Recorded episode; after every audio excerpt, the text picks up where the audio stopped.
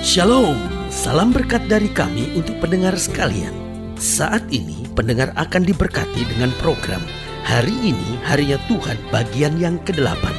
Sebuah program rohani tentang doktrin Alkitab yang menolong kita untuk semakin tertanam dalam kebenaran firman dan bertumbuh dalam kemuliaan bersama hambanya Pendeta Gilbert Lumuendo, STH. Banyak orang merasa doktrin Alkitab sebagai sesuatu yang membingungkan, tetapi tahukah saudara bahwa doktrin Alkitab intinya adalah memahami Alkitab dengan benar, dengan pemahaman yang sistematis, sehingga kita terus dapat tertanam di dalam kebenaran firman, sehingga kita terus bertumbuh di dalam kemuliaan Allah.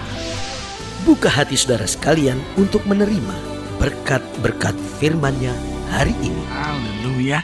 Salam jumpa pendengar berkati Tuhan dan saya percaya sesuatu akan kembali terjadi dalam hidup saudara lewat program ini karena Allah yang berfirman adalah Allah yang memberkati, menuntun, membimbing anak-anaknya. Itu sebabnya dengan sangat sukacita saya kembali lewat program ini karena firman Allah tidak pernah gagal dalam menuntun orang yang sesuai dengan kehendaknya. Dan dasar hidup kita harus senantiasa didasari oleh firman Allah. Berita dunia ini tidak dapat membawa hiburan buat kita. Segala petunjuk-petunjuk dunia ini dapat salah. Tetapi firman Allah yang menuntun hidup kita selalu akan membawa kita pada hidup yang berkemenangan. Nah, dalam program ini kita sedang membahas Matius pasal 7 ayat yang pertama sampai ayat yang kelima di mana kita berbicara tentang hal menghakimi. Janganlah kamu menghakimi supaya kamu tidak dihakimi.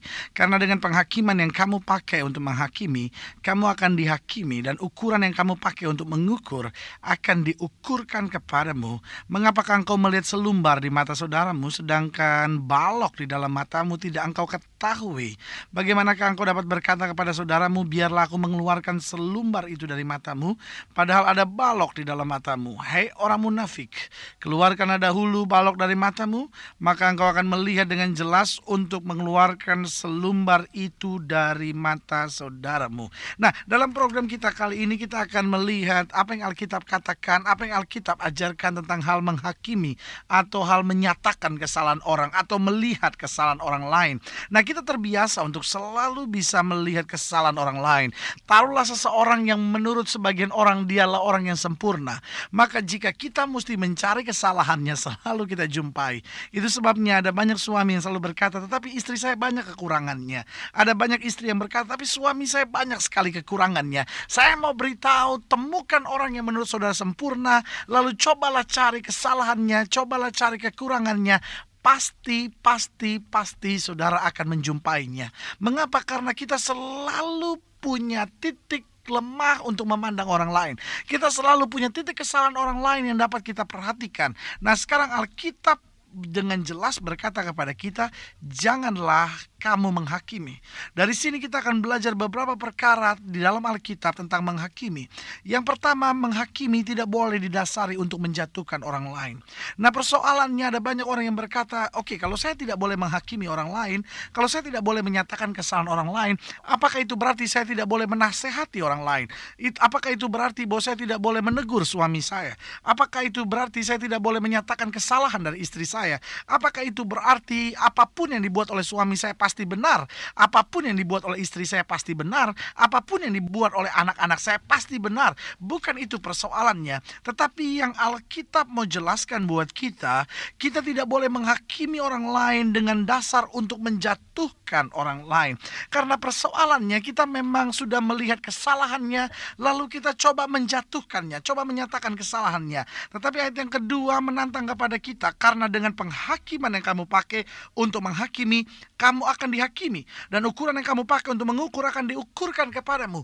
Jika kita hanya mencari-cari kesalahan orang lain hanya untuk menjatuhkannya, menegur lalu mematahkan semangatnya, maka kita gagal untuk membangkitkan semangatnya. Kita gagal untuk masuk dalam rumah tangga yang bahagia. Kita gagal untuk menjadi seorang yang hidup dalam kasih. Itu sebabnya menghakimi jangan didasari untuk menjatuhkan orang lain.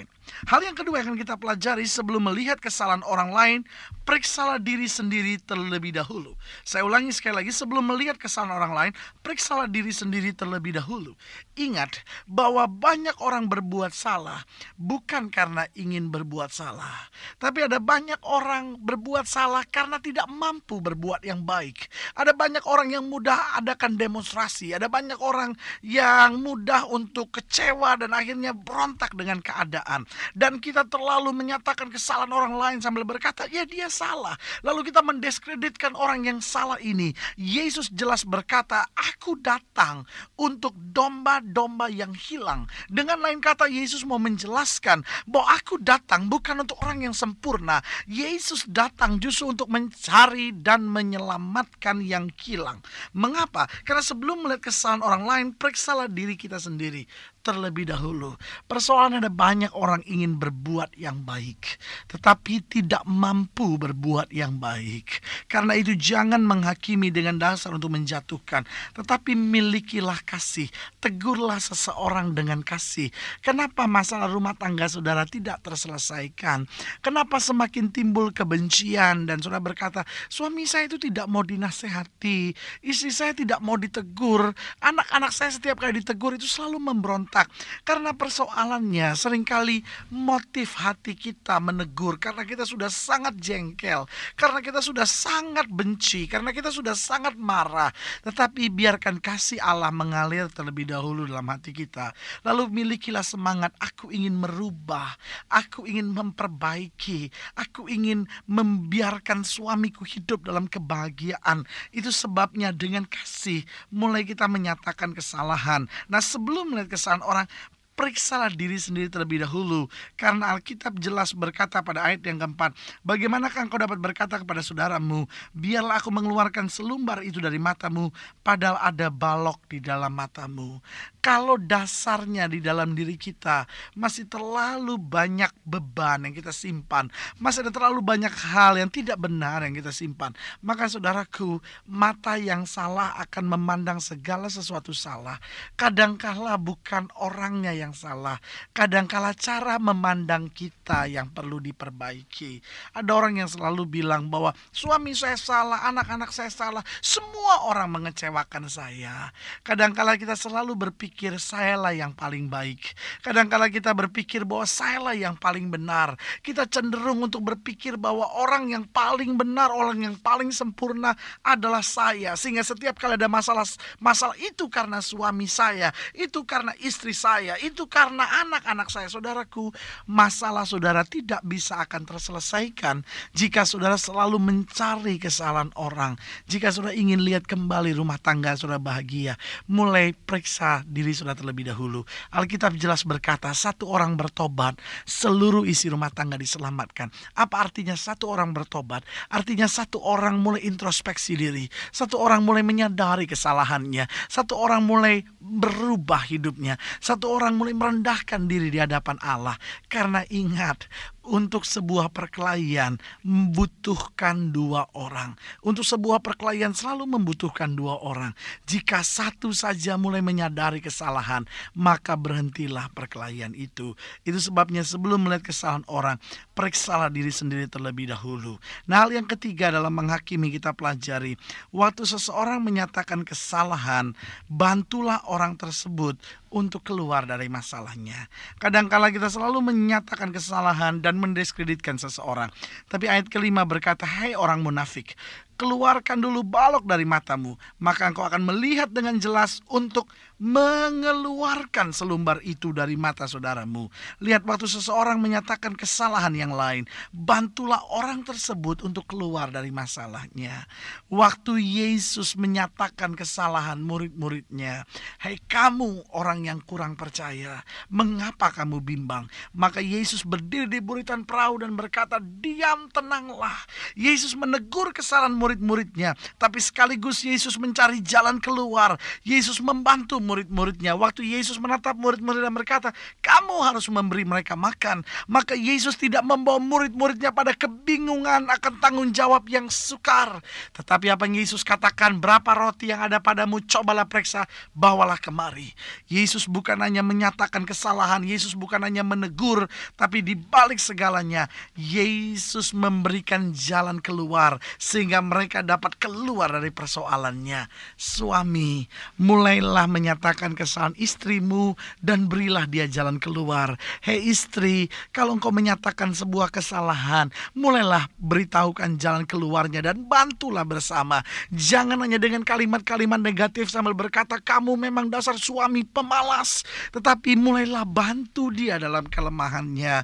Hei suami, bantulah istri saudara dalam kelemahannya. Hei orang tua, jangan hanya mendiskreditkan anak-anak saudara sambil berkata, oh anak muda sekarang memang nggak bisa diatur, anak muda sekarang memang uh, pemberontak, anak muda sekarang memang begini. Tetapi mulailah bantu masalahnya, karena persoalannya kadangkala Anak-anakmu kehilangan pegangan, anak-anakmu kehilangan tempat untuk bercerita, anak-anakmu kehilangan tempat untuk berlari. Tetapi seseorang yang menyatakan kesalahan orang lain, maka orang tersebut ditantang untuk apa? Untuk membantu. Sehingga Alkitab berkata, supaya kamu dapat mengeluarkan selumbar itu dari mata saudaramu. Dunia ini banyak orang-orang yang pandai menghakimi, tapi dunia kehilangan orang-orang yang dapat membela yang salah. Uh, dunia ini kehilangan orang-orang yang dapat membela yang tertekan. Dunia ini kehilangan orang-orang yang dapat memperbaiki yang salah, menghibur yang susah, dan memberi kekuatan bagi yang lemah. Untuk sekedar menghakimi orang yang salah itu mudah, tapi untuk memperbaiki yang salah inilah tantangan bagi orang percaya. Bukan hanya datang untuk menghakimi yang berdosa, tetapi Yesus datang untuk memperbaiki yang berdosa. Lewat darahnya yang tercurah, dia memperbaiki. Mungkin sudah berkata, suamiku sudah tidak bisa lagi diperbaiki. Mungkin sudah berkata, rumah tanggaku tidak lagi bisa diperbaiki. Mungkin sudah berkata, masa mudaku tidak mungkin lagi diperbaiki. Saya mau beritahu, tidak ada yang sukar bagi Yesus. Mungkin engkau merasa keadaanmu sudah begitu berat. Mungkin sudah merasa bahwa tidak ada orang lain lagi yang peduli dengan saudara. Mungkin saudara hari-hari ini coba lari dari kenyataan hidup saudara dan tidak tahu lagi apa yang harus saudara buat. Tetapi hari ini dalam kasih Kristus, kembali saya mau beritahu, tidak ada yang sukar bagi Yesus. Yesus siap bukan hanya menyatakan kesalahanmu, tetapi dia ingin membantu saudara keluar dan berkata, anakku, aku sekali-kali tidak pernah akan meninggalkan kamu. Lewat program ini saya mau berdoa bagi setiap pendengar sekalian. Jika saudara sedang dalam beban berat, saudara dalam kesulitan, saudara membutuhkan mujizat dari Tuhan, saudara boleh tundukkan kepala, saudara boleh taruh tangan kanan di dada. Dan lewat program ini saya mau berdoa sekarang. Bapa dalam nama Yesus, engkau lihat setiap mereka yang berbeban berat. Engkau lihat lihat setiap mereka yang sedang gelisah. Bapak engkau lihat setiap mereka yang hidup dalam kekecewaan, pemberontakan, kekerasan, kekasaran dalam hati mereka. Hamba berdoa lewat program ini dalam nama Yesus. Biar jamahan rohmu Tuhan menjamah umat Tuhan satu persatu. Mereka yang sakit, mereka yang diambang kehancuran rumah tangga. Mereka yang sedang gelisah, mereka yang sedang kecewa, mereka yang tidak memiliki kepastian dalam hidupnya. Hamba berdoa dalam nama Yesus. Biarlah turun segala berkat, anugerah pertolongan Tuhan. Sehingga mereka mulai dikuatkan dan mulai percaya bahwa Yesus adalah pertolongan yang sempurna bagi mereka. Dalam nama Yesus kami berdoa. Haleluya. Amin. Pendengar yang diberkati Tuhan. Jangan engkau takut. Jangan engkau khawatir. Jangan putus asa. Apa pun yang sedang terjadi, milikilah pengharapan di dalam Yesus. Karena orang yang berharap kepadanya tidak pernah dikecewakannya. Jangan menghakimi orang lain, sebab itu akan menghambat berkat menghambat kasih di dalam rumah tangga. Jangan menghakimi orang lain karena itu sering kali menghambat kasih dan menghambat berkat dalam pergaulan hidup saudara. Tetapi mulailah memberkati, mulailah menyatakan kasih. Maka di mana pun saudara berada, kasih Allah boleh mengalir lewat hidup saudara dan banyak orang diberkati. Sampai berjumpa pada program berikut. Jadikan hari ini harinya Tuhan. Haleluya.